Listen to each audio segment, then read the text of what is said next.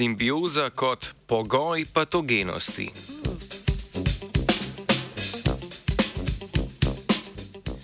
V današnjem Zbritofu predstavljamo raziskavo, v kateri je izraelska raziskovalna skupina poskusila določiti presnovne in molekularne vzroke, zakaj komenzalna bakterija, ki živi na površju alge Emilijana Huxley, postane njen patogen.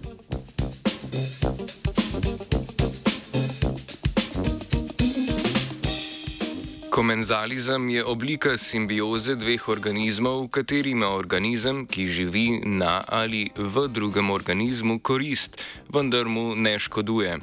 V spremenjenih razmerah pa se neškodljivi odnos komenzalizma pogosto sprevrne v patogenost. Raziskovalna skupina iz Izraela je na modelu fitoplanktona alge Emilijana Huxley in njenega komenzala, bakterijskega seva Sulfitobacter D7, raziskovala molekularne ter presnovne vzroke, zaradi katerih bakterija preklopi v patogeno stanje.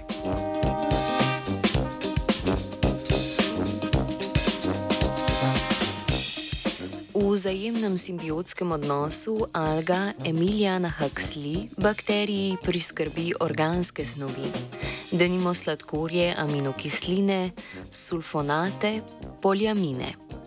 Sulfitobakter pa alge v zameno priskrbi z esencialnimi vitamini B in rastnimi faktorji.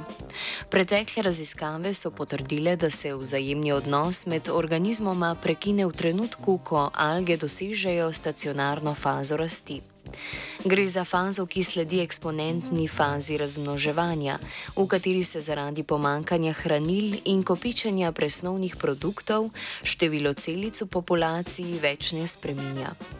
Pomembna pretekla ugotovitev pa je tudi, da alge v stacionarni fazi sproščajo molekule dimetisulfonijevega propionata ali krajše DMSP-ja.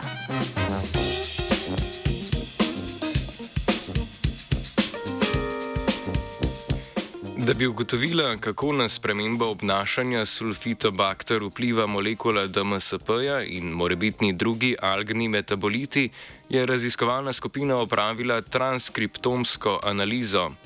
Bakterije so najprej 24 ur gojili v različnih gojiščih ob in brez prisotnosti alg v različnih rastnih fazah ter z ali brez dimetilsulfonijevega propionata.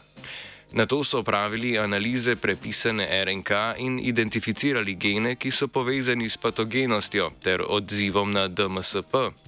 Raziskovalke in raziskovalci so primerjali transkriptomski profil v obeh stanjih. Zanimalo jih je, kateri geni sulfitobakter izraža v stanju komenzalizma ter stanju patogenosti.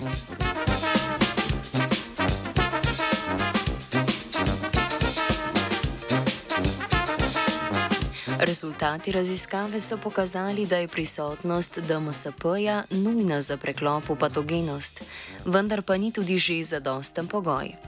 V gojiščih brez ostalih algnih metabolitov zgolj DMSP ni sprožil prehoda v patogenost. Raziskovalna skupina je zato zaključila, da je za prehod nujna prisotnost še vsaj enega algnega metabolita.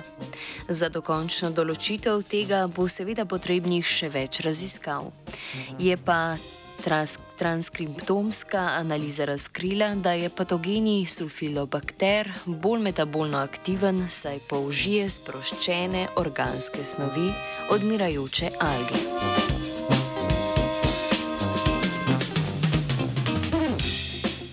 Drugi strani pa je transkriptomski profil komenzalnega stanja sulfitobakter razkril, da je bilo v gojiščih z algami močno povečano izražanje genov za razgradnjo benzoata.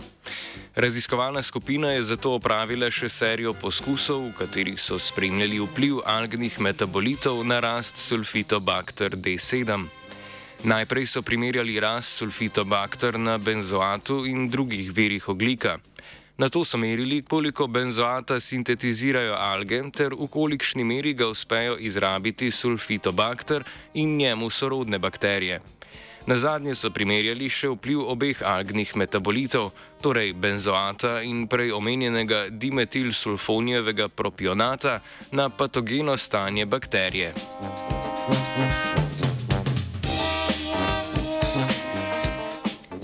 Izsledki raziskave so pokazali, da bakterija sulfitobacter D7 v primerjavi z ostalimi bakterijami benzoat izrablja kot prednostni vir hranil.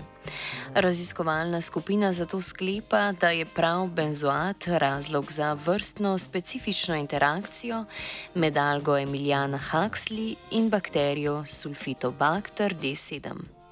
Predlagana zaključna hipoteza raziskave je, da je, dokler se alge pomnožujejo, benzoata dovolj.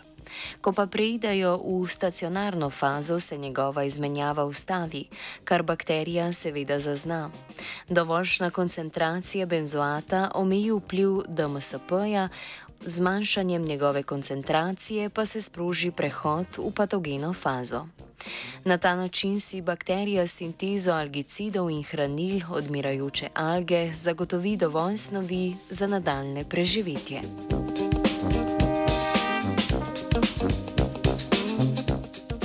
Da je v tem primeru simbioza pogoj patogenosti, se je naučila Teja.